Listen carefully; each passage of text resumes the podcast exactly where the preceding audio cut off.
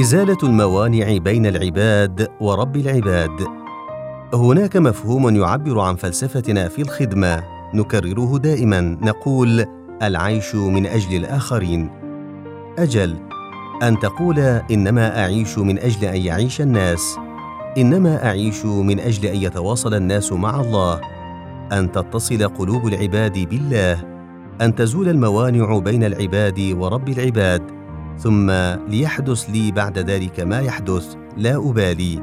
يأتي الظالم يركلني لا ضير يصادر ممتلكاتي لا بأس.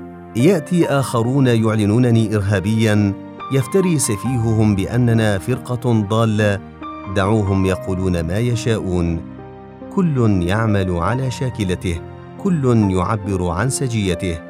لا تكترثوا لا تبالوا. أغمضوا أعينكم عنهم. وإذا مروا باللغو مروا كراما.